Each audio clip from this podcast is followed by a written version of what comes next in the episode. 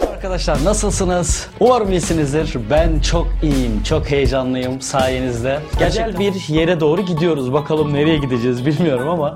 Şimdi Tanzimat döneminde hemen çıtayı oturtalım.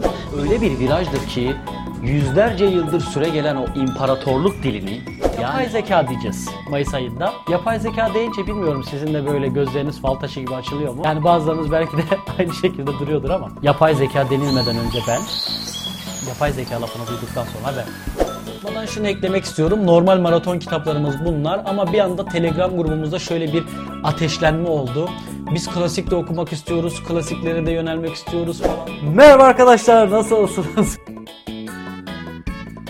Ondan sonra artık bir sonbahar kış okuma sezonu gelecek ve Eylül ayında Aziz Nesin'in yanında bir de kimi okuyacağız biliyor musunuz? Evet Ekim ayında bizi bu kitaplar ve bu güzel film bekliyor olacak arkadaşlar. Maraş'a kırılma burada başlamıştır aslında ki daha öncesinde başlamıştı ama zirve yapmıştır 90'larda.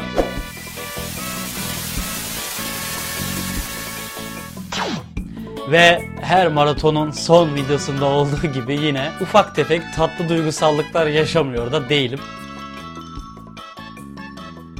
Merhaba arkadaşlar nasılsınız? Umarım iyisinizdir. Ben gayet iyiyim. Hatta bomba gibiyim. Çünkü yıl içerisinde belki de hani bazı videolar var böyle çekmek için can atarım böyle hani paylaşmak için sizlerle. O videolardan biri bu. Birçok kitabı birlikte okuduk. Yani nereden baksanız 25 tane Türk Edebiyatı kitabı okuduk aşağı yukarı.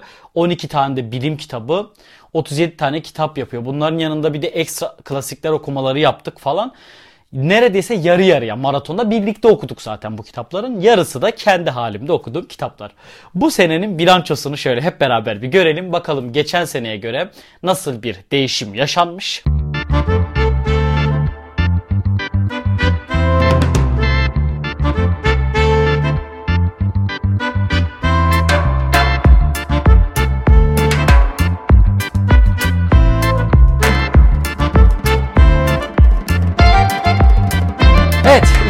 2020 zor bir yıldı. Özellikle Mart ayında salgının Türkiye'ye geldiği haberleri de patladıktan sonra falan. Dün gibi hatırlarsınız herhalde o günlerde konuşmuştuk bunları. Ya eve kapandık, iş yok, güç yok. Oh! ne kadar biriken kitap varsa okuruz falan demiştik ama sonra şöyle avucumuzu açtık ve güzelce avucumuzu yalamak zorunda kaldık ki birçok kişi aynı durumda bence. Ya tabii okuduk okumadık değil ama hayal ettiğimiz gibi olmadı. Şunu öğrendik. Ya öyle boş vakit olsa da dünyaları okusam diye bir şey yok. İnsanın bir modu olmalı. Okumak için bir sevdası, bir aşkı olmalı. Yaşama aşkı olmalı bir kere. E, yaşama aşkımız, umudumuz birazcık törpülenince okuma aşkımız da bundan nasibini aldı. Hayal ettiğimiz gibi okuyamadık. Hayal ettiğimiz kadar izleyemedik. Bir baktık geceler gündüzlere karışmış. Gündüzler gecelere karışmış. Kitaplar oralarda duruyor falan. Okumak istiyorsunuz okuyamıyorsunuz falan. Lafı fazla uzatmayalım. 40 tane kitabımız var. Alfabetik sıraya göre dizdim. Arada bazı karışıklıklar olmuş olabilir yani ama mümkün olduğunca alfabetik sıraya göre dizmeye çalıştım. 2020'nin alfabetik sıraya göre en iyi ilk kitabı Alıç Ağacı ile Sohbetler. Bilim kitabı kategorisinde okuduğumuz kitabıydı bu sene. Alıç Ağacı ile Sohbetler benim Türkiye'de böyle bir bilim insanının yaşadığından haberdar olmama Hikmet Birant'tan bahsediyorum. Ve bu topraklar içerisinde doğayı böylesine bilimsel bir bakış açısıyla gözlemleyebilen bir insan olması beni inanılmaz mutlu etti. Ben böyle insanlar gördüğüm zaman, duyduğum zaman gidip sarılasım geliyor. O kadar mutlu oluyorum. Bilimi her kesimden insanın anlayacağı şekilde aktarmış ve doğa sevgisini gerçekten gerçek anlamda kazandırması açısından bence lise düzeyinden itibaren bu kitaptan çok faydalanmalıyız. Biliyorsunuz artık internet çağıyla beraber hepimiz Big Bang teorisi, evrim teorisi, işte kuantum mekaniği, o bu şu lak lak lak lak her yerde herkes bilse de bilmese de bu kelimeleri, bu kelime gruplarını kullanıyor. Bir şeyler biliyoruz ama neyi bildiğimizi çoğu zaman bilmiyoruz. Bilimin içinde yaşıyoruz. Bilimin içine doğuyoruz artık internet çağının etkisiyle beraber ama kuramsal olarak bir zemine oturtamıyoruz çoğu zaman. İşte Hikmet Birant o kadar güzel yapmış ki bunu. Bitkilerin okyanustan kara parçalarına yayılımını, bitkilerin yayılımıyla beraber hayatın nasıl bir şekil aldığını, insanların aslında bu dünyanın tek hakimi olmadığını ki zaten öyle değildir ama öyle zannedilir genelde maalesef. O kadar güzel anlatmış ki. Ya çok uzun uzadıya anlatmayalım. 39 tane daha kitap var. İkinci kitabımız Araba Sevdası. Elbette burada dikkatinizi çekerim. Araba Sevdası'nın çizgi romanı bu arkadaşlar.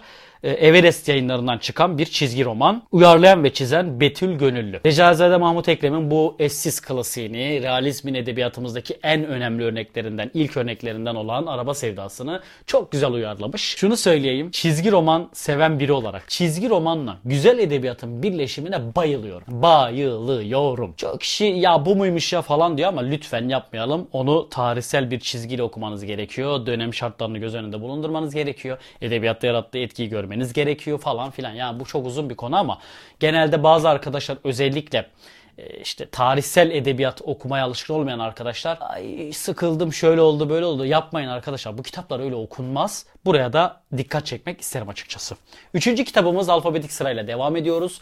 Serkan Türk'ün Ausgang romanı. Bunu da daha yeni geçtiğimiz haftalarda okuduk. Yazarla da kısmetse bunun bir söyleşisini yapacağız. Ausgang'ın bir özelliği de aslında 2020'nin kitabı olması. Salgın döneminde dünyaya gelmiş bir kitap kendisi. Ausgang'la ilgili ayrı bir yayın yapacağız ama kısaca şunları söyleyeyim.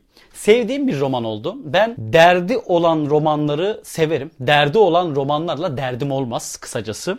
Romanın güzel dertleri var açıkçası. İkinci önemli nokta şu olacak değinmem gereken. Biliyorsunuz edebiyattaki öğrencilerime de çok anlatırım her sene konusu geçer. Birinci kişi ağzından anlatım, üçüncü kişi ağzından anlatım diye her sene anlatırız. Ben, biz veya o, onlar şeklinde. Kitaplar genelde kurgusal kitaplar. Bu ağızlardan anlatılır diye söyleriz genelde.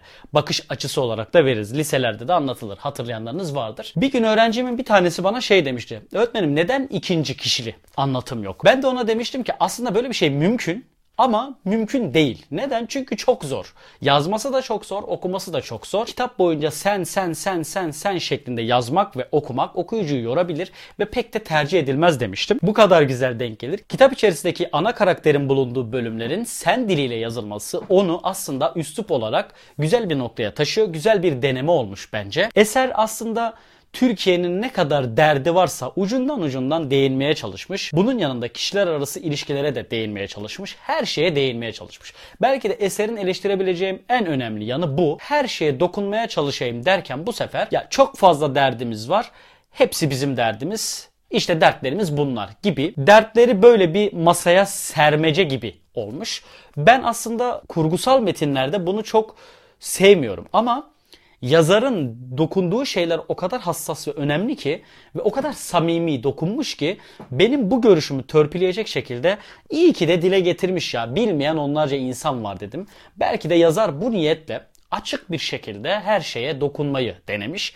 Benim her ne kadar tercih etmediğim bir durum olsa da yazarın bu anlatımı bence birçok okura fayda da sağlayacaktır. Ausgang her anlamda bu senenin iyi roman denemelerinden biriydi. Serkan Türk'ün de ilk romanıdır ve herhalde romanla ilgili söylemem gereken en önemli şey çıktığı ilk günden itibaren şu kapak Türk edebiyatında gördüğüm son dönemlerdeki en güzel içerik kapak uyumlarından birine sahip bir kapak. Evet B harfine geçtik. Ya biz kaçıncı? Dördüncü kitaptayız. Yolumuz çok uzun ya. Arkadaşlar biraz hızlanacağım.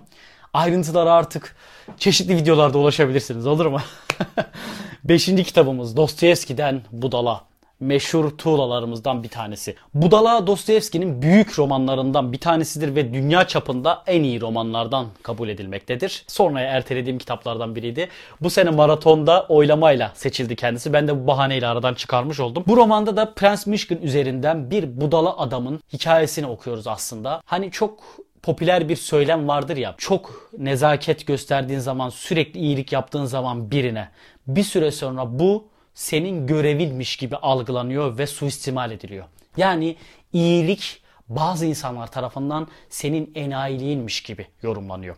Aslında Budala bunu onlarca yıl öncesinden büyük bir roman halinde o kadar güzel anlatmış ki. Özel incelemesi yapılacak romanlardan biri olduğu için yine üzerinde çok durmuyoruz. Bu sene yaptığımız toplu okumaların en güzellerinden biri diyebilirim Dostoyevski'nin Budalası için. Tam bir Dostoyevski romanı. Evet gelelim bir başka dönem eserine. Yine daha yeni bitirdik. Bunu Telegram'daki arkadaşlarım güzel bir şekilde yorumlarını paylaştılar ama ben bir türlü vakit bulup oraya girip yorumumu yazamadım. Onlara da buradan selam olsun. Buradan yorumumu paylaşmış olayım. Charles Dickens'ın Büyük Umutlar romanı. Belki bazı arkadaşlar şaşıracaklar çünkü genelde ya ben kitaba giremedim, yarısına kadar sıkıcıydı falan gibisinden yorumlar da gördüm. Haklılar da aslında ama bu kitap kesinlikle yüzeysel yorumlanmaması gereken bir kitap ki Charles Dickens yani ben her zaman şunu söylüyorum. Kendimden bunu sakın böbürlenme olarak algılamayın. Çok samimi bir yorum yapıyorum burada. Kendimden zeki olduğunu hissettiğim yazarların kitabını daha bir aşkla okuyorum. Yani of diyorum ya bu laf da böyle söylenirdi ya. Ben olsam söyleyemezdim diyorum. Ayağa kalkıp alkışlıyorum falan. Yanımda yakınımda kim varsa gidip o cümleyi gösteriyorum ki genelde bu eşim oluyor.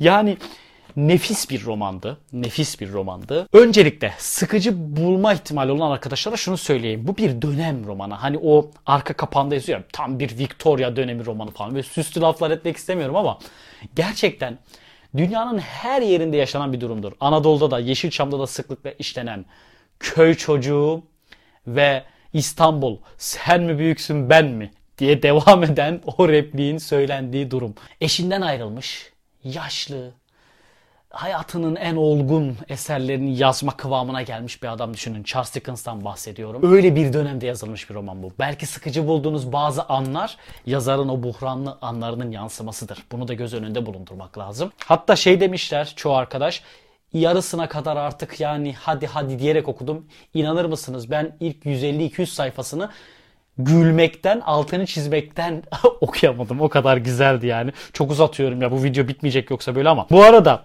yani Nihal Yayınobalı yani her çevirisinde olduğu gibi onu da ayakta alkışlıyorum. Ayakta alkışlıyorum. Bu kadar güzel çevrilir bir eser. Sağ olsun var olsun. Sabaha karşı küçücük penceremin dışındaki o koca kara kefen kırçıllaşmaya yüz tutar tutmaz diye bir ifade kullanmış şimdi. Günün doğumu bu kadar güzel mi anlatılır, bu kadar güzel mi çevrilir? Altını çizdiğim o kadar çok cümle var ki. Günümüz dünyasında böylesine detaylı, böylesine sinematik romanlar yazmak, Hatta bunu okutmak çok zor gerçekten. O nedenle klasiklerin, böylesine değerli klasiklerin büyük bir önemi var. Biliyorsunuz artık çağımız çok değişti. Bu kadar detay anlatımları, bu kadar işte e, tarihsel süreci yansıtan uzun soluklu romanlar çok seyrekleşti. Okuyucu tarafından da tabii iyisi olduğu zaman yine tercih ediliyor okunuyor ama iyi ki varlar. İyi ki varlar. Ben bu tarz romanları bulduğum zaman kesinlikle bırakmıyorum ve tavsiye de ediyorum. Kaçıncı kitapta olduğumuzu bilmiyorum arkadaşlar. 40'a doğru gidiyoruz. Devam ediyoruz. Evet diğer kitabımız Gündüz Vassaf'ın uzun zamandır, uzun zamandır ertelediğim ya ben bu kitabı hala nasıl okumam dediğim bitirdikten sonra neden okumamışım dediğim kitabı Cehenneme Övgü. Yani bu kitap her yerde karşınıza çıkıyordur. Çünkü okuyan kişinin mutlaka mutlaka okumalısın diye yanındaki çevresindekilere tavsiye ettiği kitaplardan biridir bu. Ki Cennetin Dibi e, kitabıyla da eşleşiyor bu kitap. Cehenneme Övgüsünü okudum. Cennetin Dibi de var sırada. Ben az önce Hikmet Birant için ne demiştim arkadaşlar? Türkiye'de böyle aydın bakışlı insanların olması beni mutlu ediyor ya. Ayağa kalkıp alkışlasım geliyor. Onlar duymasa da görmese de çok yaşayın diye bağırasım geliyor. Gündüz Hoca da bu insanlardan biri. Her ne kadar uzun yıllar Amerika'da yaşamış, orada eğitim görmüş, orada eğitim vermiş olsa da bu toprakların çok önemli bir değeridir. Bu yüzyılda filozof çıkar mı diye bazen düşünürüm. Yani ben filozofum diye çıkan birini, çok aklı başına laflar eden birini bu çağ sevmiyor. Gerçekten hani Yalın Alpay'ın az sonra bahsedeceğim kitabında olduğu gibi post-truth çağı yani gerçeğin ötesinde yaşıyoruz. Böyle bir çağda bir filozof değer görür mü? Bir aydın düşünür değer görür mü? Bunun düşünceleri çoğu zaman aklımdan geçer ama ki çoğu 86 yılında yazılmış denemelerden oluşan bu eserinde bu yüzyılın filozoflarından bir tanesi olduğunu kanıtlamış bence. Her konudan harika değerlendirmeler, harika denemeler yer alıyor bu kitapta. Gündelik hayattaki totalitarizm üzerine bu kadar net değinen, sözünü esirgemeyen okuyucuya inanılmaz bir şekilde çuvaldız batıran, ufak tefek katılmadığım yerler olsa da ki bu normaldir. Bayıldığım kitaplardan biriydi. Bu senenin en iyi kitaplarındandı. Cehenneme övgü. Çıkrıklar durunca sıradaki kitabımız şöyle Sadri Ertem'in bu senenin maraton kitaplarından biriydi. Türk Edebiyatı zincirinde okuduğumuz ve birçok arkadaşımız çok beğendi. Ben de çok beğendim. Çıkrıklar Durunca'nın tabii tarihsel önemi de roman özelliğinin yanında çok çok önemli olduğu için mutlaka okunması gereken kitaplardan biridir. Toplumsal gerçekçiliğin Türk Edebiyatı'ndaki o kapı aralayan eserlerinden ilkidir aslında Çıkrıklar Durunca ilk eserlerden biridir. Ki Sadri Ertem alanında işte sosyoloji olarak, felsefe olarak alaylı değil, eğitimli bir insan olması, romanın içerisine bunları çok güzel serpiştirmesi, toplumsal değerlendirmeleri ve eleştirileri bu kitabı ayrı bir anlamda değerli kılıyor. Çünkü dönemine göre bir işi bilerek yapan, bilerek yola çıkan insanlardan biri Sadri Ertem. Biliyoruz da konuşuyoruz tarzında romanlardan biridir. Ve okurken hep şunu hissedeceğiniz kitaplardan biridir. Yok artık. Bu bugünün de sorunu. Hala devam ediyor. İşte Alevi Sünni kavgası, işine gelmeyen bir işte patronun, işte emperyalist bir sistemin hemen bambaşka bir şekilde safsata yaratarak toplumu birbirine düşürmesi. Yani bu kadar net, bu kadar güzel bir hikayeyle romanlaştırılır. Tabii roman anlamında eksikleri elbette vardır. O dönemin ışığında değerlendirmek gerekir. O eski çıkrıkların bir kenara atılmasının romanı aslında bu. Ve okurken bana hep buram buram Yaşar Kemal bu romanı okurken İnce Mehmet'i yazacağım diye karar verdi galiba dedirten kitaplardan biridir. Sonuyla insanın içinde acayip bir hüzün yaratan ve inanılmaz bir alev topu biriktiren bir romandır. Diğer kitabımız Hüseyin Nihalatsız'ın Dal Kavuklar Gecesi ve Z vitamini. Şimdi bu kitap çok sivri bir kitaptı. Maratonda okuduk biliyorsunuz. Altını çizerek söylüyorum. Aynı ay Aziz Nesin'de okuduk. Böyle küçük manyaklıklar yaptık bu sene 2020'de. Şimdi Dal Kavuklar Gecesi ve Z vitamini Hüseyin Nihal Atsız'ı tanımak açısından çok güzel bir kitap. Yani onun deliliğini, onun böyle kardeşim ne diyorsanız deyin, ne düşünüyorsanız dinciliğini anlatan çok güzel bir eser. Kimse umurunda değil. Yani dilinin kemiği yok. Bu kitap bunu çok güzel kanıtlıyor. Beğendim derken dönemin tarihsel karakterlerine yapılan amansız eleştirileri beğendim anlamında algılanmasın lütfen. Elbette katılmadığım noktalar var. Ama bu kitap bence günümüz yazarlarına, okurlarına şunu öğretmeli. Elbette çok sert bir üslup, onaylanacak bir üslup değil ama şunu da öğretmeli yani. Düşüncenizin arkasında durun ya. Ne düşünüyorsanız savunun onu. Yani dimdik durun, eğilmeyin. Bence bunun en güzel örneklerinden biri. Dal Kavuklar Gecesi ve Z vitaminde dönemin siyasilerini çok sert bir dille eleştiriyor. Özellikle İsmet İnönü başta olmak üzere.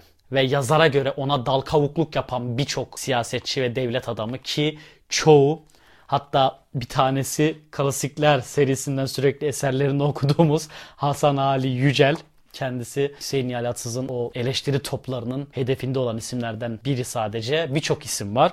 Z vitamini de çok yaratıcıydı gerçekten. Yani eser anlamında bence çok iyi bir fikirdi. Hem çok güldürdü hem de vay be dedirtti birçok yerde. Altını çizdiğim çok yer oldu. Katılırsınız katılmazsınız ama günümüzde kaç tane böyle düşündüğü noktada dimdik duran çınar görüyorsunuz? Bir söyler misiniz bana? Bu sene Telegram grubumuzda sürekli çizgi roman manga soranlar oldu. Ben uzun zamandır okumuyorum. Yani Pokemon dönemlerinden kalma, Beyblade dönemlerinden kalma bir manga sevdamız vardır içimizde. Bulduğumuz yerde karıştırır okuruz. Uzun zamandır da fırsat bulup şöyle bir manga serileri alıp okumuyordum. O bahaneyle hatta Telegram grubumuzda yeminimi bozdurdunuz şimdi manga alışverişi yapıyorum falan dedim. Birçok manga eseri okudum bu sene. Bayıla bayıla. Hatta var ya pandemi döneminde bana mangalar ilaç gibi geldi. Böyle Z vitamini diyor ya.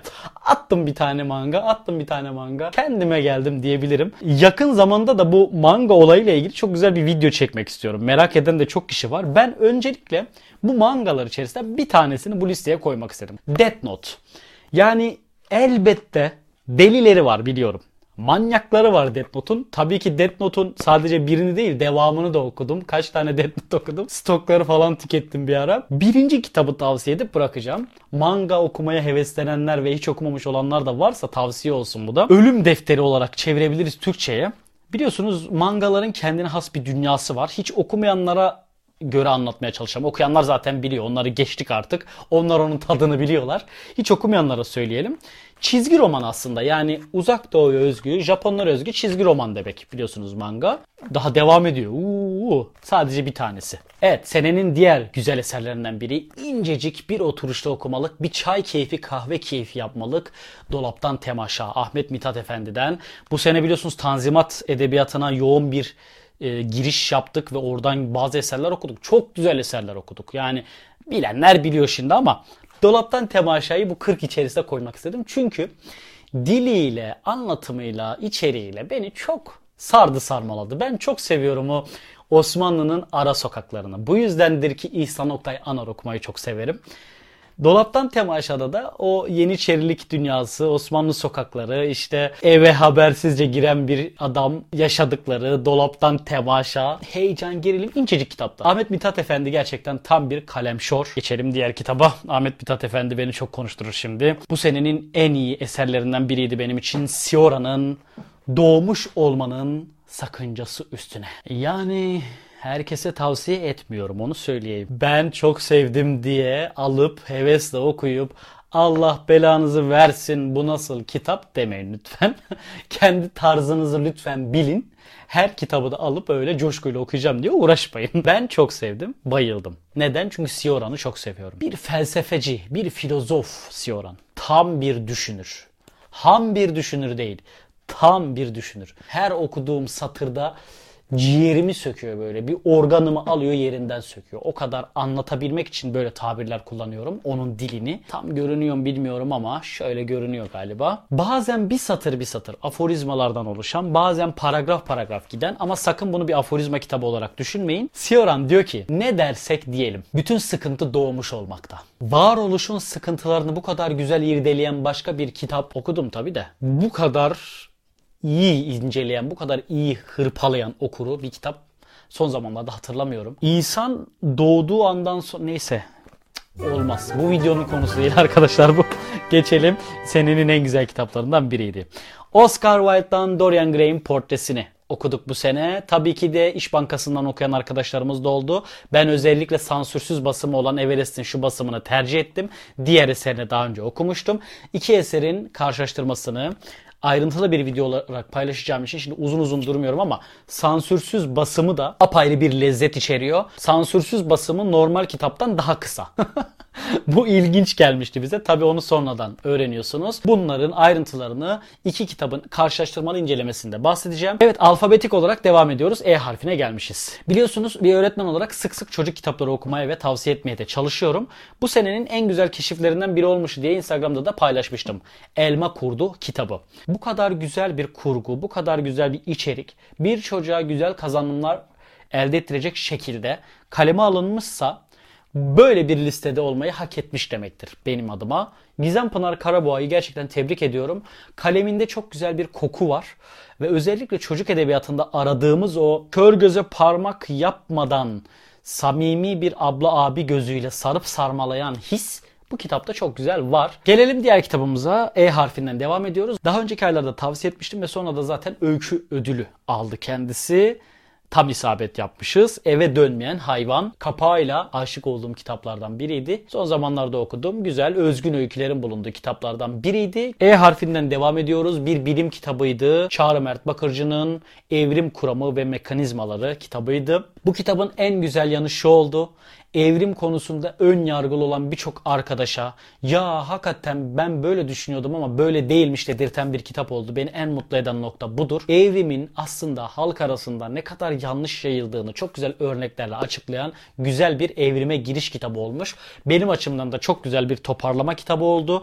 Bu konuda giriş düzeyinde, orta düzeyde ve ileri düzeyde birçok kitap ve makale okuduğum için bu kitap aslında bana e, yeni bir şeyler söylemedi ama bu konuya yeni başlayanlar için ne kadar değerli bir kitap olduğunu test ederek okudum. E harfinden devam ediyoruz. En güzel edebi eserlerden biriydi. Ferit Edgün'ün Eylül'ün Gölgesinde bir yazdı eseri. Üslubuyla gerçekten beni kendine hayran bırakan kitaplardan biri oldu. Diğer Ferit Edgü kitapları gibi. Ve yazarla ilk defa tanışan birçok arkadaşımız oldu. Bu da beni çok mutlu etti. Böyle bir kitapla Ferit Edgü'yü tanımış oldular. Düz anlatım değil. Düşünsenize fotoğraflar üzerinden bir anlatım yapılıyor. Daha sonra başka üsluplar deneniyor. Kitap boyunca sürekli bir deneme hakim ve bunlar sizi sarıp sarmalıyor. Edebiyat budur.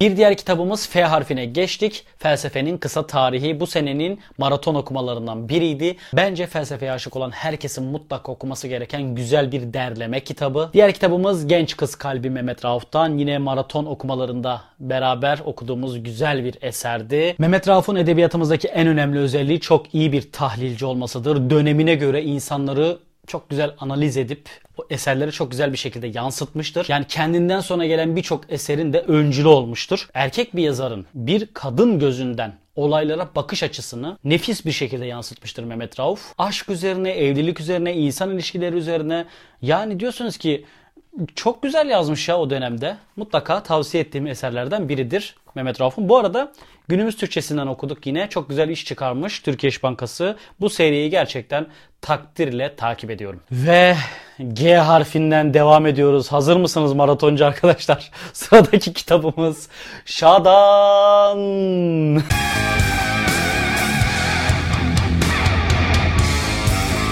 Ayınları patlatarak gayınları çatlatarak. Evet gönül bir yel değirmenidir, sevda ötür. Her zaman söylüyorum Hüseyin Rami Gürpınar kırmızı çizgimdir. Çok özeldir, çok özeldir. Boş bulunduğunuz an, yani bunu tabi yanlış oldu. Boş bulunduğunuz an derken, şöyle boşluğa düştüğünüz an diyelim. Hani ne okusam diye şaşırdığınız anlar olur ya. Bana ne iyi gelir. Ha, öyle doğru tabir bu. Sizi var ya alır götürür. Müthiş bir kalemi vardır. Çok ilginç bir eser. Çok eğlenceli bir eser. İki komşu e, işte bir şadan. Hatta biz bu kitabı okuduktan sonra filmi çekilse, dizisi çekilse kimler oynar diye oyuncu seçimi bile yaptık arkadaşlar ya. Öyle sinematik bir eser aslında. Yine tabii konak hayatının eleştirileri var. Hüseyin Rahmi Gürpınar konaklarda yaşayan ve kadınlar içerisinde büyüyen bir insan olduğu için bunu çok güzel anlatıyor. Gözlemleri çok yerinde. Daha çok kitap var arkadaşlar. Konuşturmayın beni. Hayvan hikayelerine geldik. H harfine. Dan daradan daradan dadan dadan. Maratonda okumuştuk bu kitabı. Daha önce bir videoda daha okuması zor kitaplar videosunda şuraya koyayım paylaşmıştım zordu okuması. Çok zordu. Aşırı zordu. Böyle yenilir yutulur halde olması da çok güzel bence. Şimdi bütün öyküleri bundan zor çıktık yani. Böyle daha iyi bence. Bütün öyküleri diye dalarsak çıkamayız. Mümkün değil. Ya 3-5 sayfa süren bir öyküde. Az önce bazı öykü kitapları tavsiye ettim ki birkaç tane daha öykü kitabı var tavsiye edeceğim. Öykü böyle yazılır. Üst seviye, üst seviye. Yani bunu aşmak çok zor. Şu olayı aşmak çok zor. Kortazar bu eserde her öyküde aşırı bir şifrelendirme yapmış. Bunları çözmek için çok incik cincik şekilde satır aralarındaki her kelimeyi kovalamanız, araştırmalar yapmanız gerekiyor. İki öykü mü, üç öykü mü ne Telegram'da yorumlamaya başladık. Abartısız söylüyorum. Saat akşam 8'den gece 1'e kadar bir öyküyü yorumlama kısmını bitiremedik. Yani. O kadar detaylı düşünün yani. Bir öyküden bahsediyorum. 4-5 sayfaya her şeyin kökeni. Neredeyse her şeyin kökeni. Bu senenin en iyi okumalarından biriydi. Ansiklopedik bir eser çizimleriyle şöyle göstereyim rengarenk muhteşem bir kitap. Aklınıza gelecek bütün bilimsel sorulara evren, gezegenimiz, yaşam, yaşamın başlangıcı, uygarlıklar tarihi, bilgi, icatlar sizi doyuracak muhteşem bilgileri muhteşem çizimlerle derlemişler. Bir diğer eserimiz içimizdeki hayvan Emil Zola'dan oldu. Bu da maratonda okuduğumuz klasik kitaplardan biriydi. Böyle o roman dilini çok seviyorum. Usta romancıların anlatılarını çok seviyorum ben. İçimizdeki hayvanı da bayağı kalabalık bir grupla okuduk. Tabi anlatı olarak Emil Zola'nın bu kitabı onun büyük edebiyat zincirinde noktasal bir yerde duruyor. Yani direkt bu kitabı okuduk ama bunun öncesini sonrasını işte Emil Zola'nın oluşturduğu o dönem anlatılarını da biraz bilmek gerekiyor. Doğru yorumlayabilmek için. Hani e, trenler ki Gabriel Garcia Marquez'in Yüzyıllık Yalnızlık eserinde de gözümüze sokulan bir kavramdır. Ray ve tren kavramı hani biraz ayrılık ve hüznü çağrıştırır. Bir anlamda da gelişimin ve medeniyetin simgesidir tren. Bunu irdeleyen ne kadar gelişirsek gelişelim ki benim de sürekli savunduğum bir şeydir bu. insanın içinde susturamayacağı, ölene kadar durduramayacağı bir hayvan yaşar. Bunu irdeleyen çok güzel bir roman aslında. Ben o anlamda kendi düşüncelerimle de beslediğim için çok severek okumuştum içimizdeki hayvanı. Su da almamışım yanıma yoruldum arkadaşlar. Az kaldı. Evet 40 kitap yaparsak böyle olur tabii. Devam ediyoruz. Kaçıncı kitaptayız bilmiyorum. 40'a doğru gidiyoruz arkadaşlar. Şule Gürbüz'den Kambur kitabı. Sene başında okuduktan sonra bir videoda tavsiye etmiştim. Birçok arkadaş da okuyup çok beğendiğini söyleyip geri dönüşlerde bulunmuştu bana. Gerçekten okuduktan sonra şunu söyledim kendi kendime. Böyle incecik bir eserde, böyle gencecik bir yaşta, böylesine bir ilk eserle edebiyat arenasına atılmak ne büyük bir şans, ne büyük bir mutluluk. Daha önce üzerinde durdum, anlattım. Tekrar tekrar aynı şeyleri söylemek istemiyorum. Kambur mutlaka okunması gereken bir Türk Edebiyatı kitabıdır. Sait Faik Abasıyanık'tan Kayıp Aranıyor maratonda okumuştuk ve okuyan arkadaşlar da yine beğenmişti bu kitabı. Meşhur öykücümüzün bir romanını okuyalım dedik ki zaten birkaç tane roman içerisinde iyi olan romanlarından biri Kayıp Aranıyor. Benim de çok severek okuduğum bir roman oldu. Yani bir öykücünün romanını okumak kolay bir şey değil. Genelde çünkü yadırganır. Yani öykücülerin romana geçişleri keşke öykü yazsaymış diye yorumlanır. Genelde kısır bir eleştiridir bu ama Sait Faik bence bu kitapta çok güzel bir anlatı sunmuş. Nevin karakteri üzerinden. Tıpkı az önce söylediğim genç kız kalbindeki Mehmet Rauf'un yaptığı o e, kadın ruhunun analizi konusunda çok başarılı bir iş yapmış durumu, hali, vakti yerinde olan Nevin karakterinin yalnızlaşmasını, hissizleşmesini ve kaybolmasını çok güzel bir şekilde anlatmış. Kapak da çok yakışmış. Ve K harfiyle devam ediyoruz. Bir şiir kitabıyla Baudelaire okudum bu sene ben. Kötülük Çiçekleri. İnternetten sürekli bölüm bölüm şiirlerini okuduğum kitabı artık baştan sona okumalıyım diyerekten giriştim. Zorlu bir okumaydı benim için. Kötülük Çiçekleri tarihsel anlamda Fransız edebiyatı açısından da dünya şiiri açısından da özellikle Türk edebiyatının da Fransa'dan çok etkilendiğini düşünürsek Türk şairleri açısından da çok önemli bir eserdir. Bu nedenle okumayı çok istediğim kitaplardan biriydi. Sait Maden çok büyük emek harcamış çeviride ki ön sözde bunu çok güzel açıklamış. Şiir çevirmek çok zor ya. Herhalde okurken bazı bölümlerde o nedenle zorlandım. Ve bu sene bol bol tabi Homeros'un İlyada ve Odessa okuma rehberini seyredenler bilir. Mitoloji ile ilgili de ve tragedyalarla ilgili de çok güzel okumalar yaptım. Kiklops burada tavsiye etmem gerekiyordu. Çok güzel bir eser. İncecik, yarım saat 40 dakika. iki kuru pasta, bir iki bardak çay eşliğinde bitip gidecek bir eser ama çok şey öğretecek bir eser. Çünkü sonrasında çok şey okumak zorunda kalacaksınız.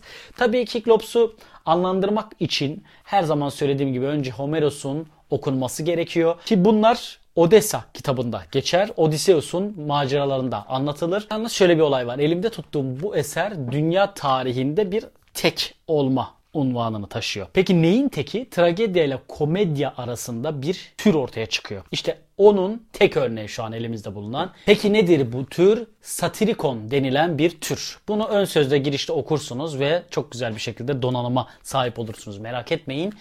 Dionysos ayinlerinde o eğlence, şaşa, üzümler, şaraplar o bu şu. Mitolojide bir yaratık vardır. Yarısı keçi, yarısı insan. Bu insanın içerisinde az önce içimizdeki hayvanda bahsettiğimiz gibi hiç öldüremeyeceği o hayvanın aslında ta kendisidir. Mitolojideki yansımasıdır. Şehvet, aşk, eğlence düşkünü yaratıklardır bunlar. Bu eserin bir özelliği daha önce hiç yapılmamış şekilde koroyu bu yaratıklardan oluşturması ve tragedya ile komediyi birleştirmesi.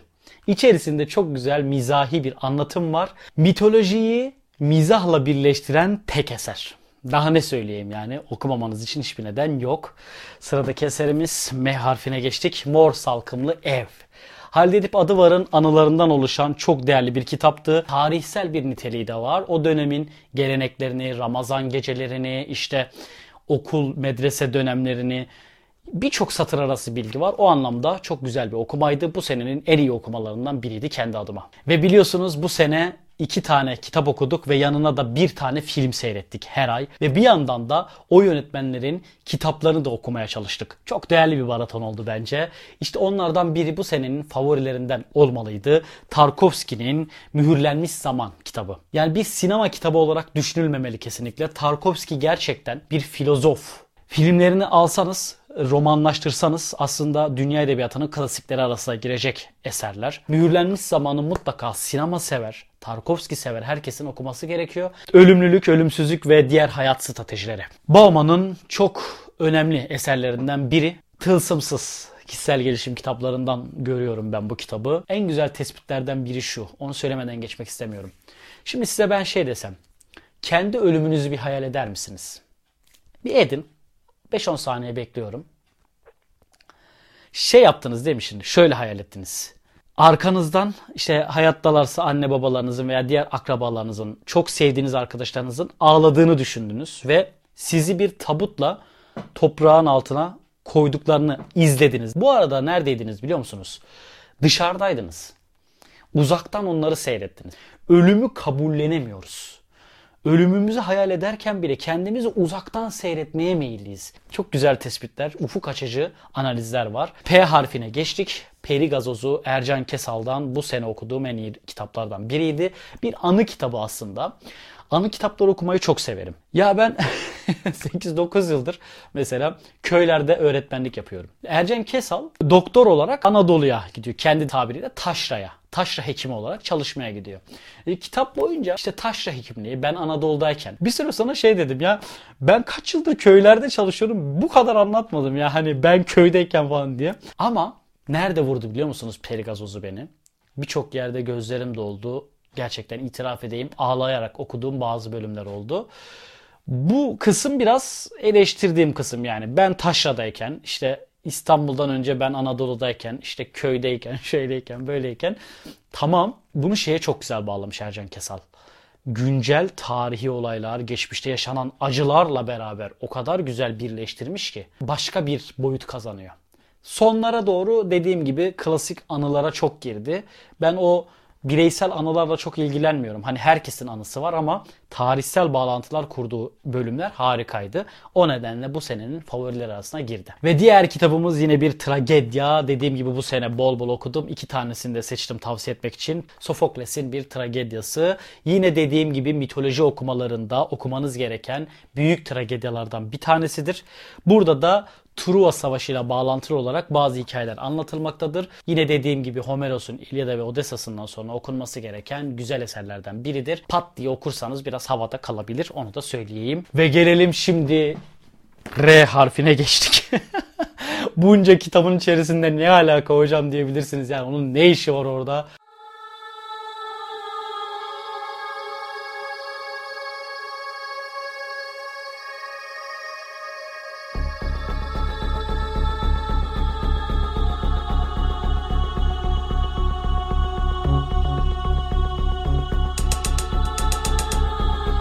Hayır tabii ki de her alandan okuma yapmayı seven bir okur olarak tavsiye edeceğim mutlaka.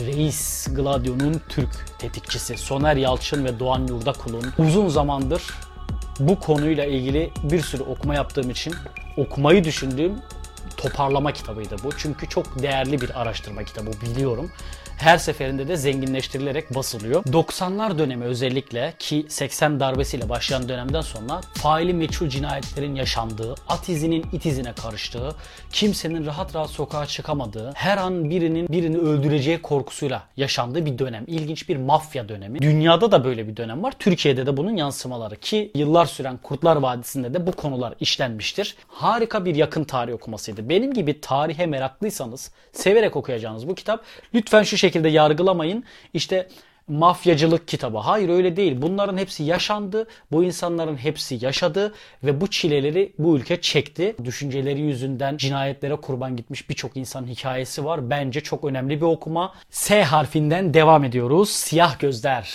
Cemil Süleyman. Muhtemelen bu kitabı izleyen birçok insan ilk defa duydu. Çok değişik bir okuma oldu benim için. Hazır Türk Edebiyatı okumaları yapıyorken o dönemde yazılmış az kişinin bildiği bu kitabı da okumak istedim. Bir kadının kişisel ihtiraslarıyla toplumsal kurallar arasında sıkışmasını anlatan özgün bir eser. Ben özgünlüğü nedeniyle bu listeye koydum ve bu nedenle çok beğendim. Ben böyle eserleri kovalamayı çok seviyorum. Okurken beni aşırı derecede gerdi diyebilirim. Çok güzel de içine çeken bir eser. Tavsiye ederim. Bu senenin en iyi okumalarından biriydi kendi adıma. T harfine geldik. Mevsim Yenice'nin ilk eseri olan Tekme Tokatlı Şehir Rehberini okumuştum bu sene. Instagram'da da paylaşmıştım okuduğum haftalarda. Güzel bir öykü kitabıydı ama şunu söyleyeceğim. Yani az önce Kortazar'dan bahsettik. Nirvana'sını okuyunca öykünün bu kitabın şanssızlığı da tabii aynı dönemde okunmuş olması oldu öyle bir eserle. Ya öykücülük zor bir mesele gerçekten. Kısacık bir hikayede çarpmanız gerekiyor okuru ve etkilemek zorundasınız. Yani ikinci öyküye geçmesi için işte ya dedirtmeniz gerekiyor. Tekme tokatlı şehir rehberinin en güzel yanı farklı şeyler keşfetmiş. Bir ilk kitap sonuçta bu. Bir coşku var. Yeni bir şey yaratma coşkusu var. Ama o farklılığı uygulama konusunda bazı noktalarda sorunlar gördüm. Yaklaşık 10-11 tane öykü vardı yanlış hatırlamıyorsam kitapta. Özellikle giriş bölümünde beni sarıp sarmaladı diyebilirim bir lafla. Yazarın ruh halini çözme açısından bana güzel bir merhaba oldu. Ablamın eltisinin dayısının küçük oğluna diyerek bir ithafla başlıyor öykü kitabı. Ve Şemsettin Sami'nin Taşık Talat ve Fıtnatı yine Tanzimat okumalarımızda bu ilk eserlerimizden birini severek okuduk. İş Bankası'nın günümüz Türkçesiyle olan basımı olduğu için severek rahat bir şekilde okuduğumu söyleyebilirim. Evlilik üzerine yaptığı ve kadın erkek ilişkileri üzerine yaptığı tespitler de çok güzeldi. Okuyan herkesin de çok beğendiğini söyleyebilirim. Bu maratonun en özel kitaplarından biriydi. Hatta bir arkadaşımız yanlış hatırlamıyorsam şöyle bir şey paylaşmıştı. Benim çok kitap okumama kızan annem şu an Taşık Talat ve Fıtnat okuyor arkadaşlar. Bu maratonumuzun başarısıdır diye bir paylaşımda bulunmuştu. Bu kitabı her gördüğümde aklıma o mesaj geliyor. Çok mutlu olmuştum. Güzel bir okuma. T harfinden devam ediyoruz. Tatlı Rüyalar, Alper Canıgüz. Hani kapağında da diyor ya psiko absürt romantik komedi. Tam karşılıyor. yani popüler bilim konularıyla çatlak bir üslubun birleşimi bu kadar güzel olabilirdi. Bize Inception'ı hatırlattı böyle rüya içinde rüya şeklinde çalkantılarla Alper Canıgüz'ün bu ilk romanını severek okuduk diyebilirim. Bu senenin iyi okumalarından biriydi. U harfiyle devam ediyoruz. Cemil Kavukçu'nun Uzak Noktalara Doğru kitabı yine bir öykü kitabı. 1996 Sait Faik Hikaye Armağanını kazanmış bir kitap. İki bölüme ayrılmış bir öykü kitabı. Uzak Noktalara Doğru. Ya uzakların öyküleri bunlar işte. Böyle kaybolmayı seviyorsanız tavsiye ederim. Perişanız Gecenin Karanlığında ve Uzak Noktalar diye iki bölüm ayrılıyor ve alt bölümlerle devam ediyor. Aldığı ödülü sonuna kadar hak ettiğini söyleyebilirim. Ve geldik arkadaşlar son 3 kitabımıza. Doğal olarak sayıyı rahatlıkla söyleyebilirim. Bu 37. kitabımız. Yalın Alpay'dan Yalanın Siyaseti Post-Truth kitabını okudum bu sene. Çok sevdiğim bir kurgu dışı okuma oldu. Post-truth gerçekliğin ötesi demek, gerçek ötesi demek ve ne yazık ki çağımızın özellikle Trump'ın Amerika başkanlığına seçiminden sonra nasıl bir post-truth çağına evrildiğini çok güzel bir şekilde izah ediyor bu kitap. Özetle şunu söyleyeyim. Çok haklı tespitler, çok yerinde tespitler. Artık kimse gerçekle ilgilenmiyor. Gerçek kimsenin umurunda değil. İnsanlar, kitleler artık beni kim inandırırın derdinde. Ve gerçeği söylediğinizde gerçekten sizi ciddiye almayan bir kitle var karşınızda. Özellikle politikacıların, siyasilerin bunu bilinçli bir şekilde kullanmaya başladığını da görüyoruz. Artık dikkat ederseniz dünya çapındaki bütün liderlerde şu özellik var. Müthiş bir ayrıştırma politikası gidiyorlar. Dünyanın her yerinde böyle bu. Eskiden hani o vardı ya böyle bir tartışma ortamı, üslup, saygınlık. Bak ben doğru söylüyorum tavrı o yok artık. Kim daha iyi konuşuyor, kim daha iyi demagoji yapıyor, yalanı kim daha iyi söylüyor. Analizlerle beraber, safsata kavramlarıyla beraber okumanız için harika bir kitap. 50 soruda yapay zeka. Cem Sayın bu kitabı bu senenin en iyi bilim okumalarından biriydi. Yapay zekaya meraklı olan arkadaşlar için mutlaka okunması gereken kitaplardan biridir. Önümüzdeki 10 yıllar içerisinde çok farklı bir dünyaya evrileceğimiz artık kesin. Bu nedenle anne babalar, öğretmenler bu konuda bilgi sahibi olmalı. Z harfine geldik. Alfabenin bütün harflerini geçtik herhalde ya yumuşak G hariç. Zincire vurulmuş Prometheus. Özel bir okuma, çok güzel bir okuma. Mitoloji okumaları içerisinde mutlaka yer vermeniz gereken bir kitap. Özellikle Homeros'tan sonra da yine mitoloji okumalarına devam edenler için tavsiye ettiğim kitaplardan biriydi. Tanrılar arasında çıkan bir anlaşmazlıktan sonra Zeus Prometheus'u cezalandırır. Çünkü Prometheus insanlara ateşin bilgisini öğretmiştir ve Prometheus'un cezalandırılması şu kavramı da ortaya çıkarır. Bilginin, düşünmenin ve iktidarın savaşı. Yani bir nevi sansür meselesine de geliyor iş. Yani birçok anlamda dallandırılıp budaklandırılabilecek bir okuma bu. Bu senenin en iyi 40 kitabından bahsetmeye çalıştım arkadaşlar sizlere. Yaklaşık 1 saat 45 dakikadır kayıttayım. Montajdan sonra kaç dakikası kalır elimde bilmiyorum ama umarım sizler için faydalı bir liste olur. Sizler bu sene neler okudunuz? Kaç kitap okudunuz? Bu senenin bilançosu nedir? ve tavsiye ederseniz bir liste olarak 10 kitap, 15 kitap, kaç kitapsa bizimle yorumlar kısmında bunları paylaşırsanız çok sevinirim. Hepinize şimdiden hastalıktan ve salgından uzak, ailenizle, sevdiklerinizle mutlu bir yıl geçirmenizi dilerim. Güzel bir 2021 dilerim. Kitaplarla dolu Doğu'yu Keşfet Maratonumuzda yine 2021'de beraber olacağız. Kitap Dünyam ailesi olarak birlikte okuyacağız. Kendinize çok iyi bakın. Hepinize iyi kitap kurtlamalar dilerim arkadaşlar. Görüşmek üzere.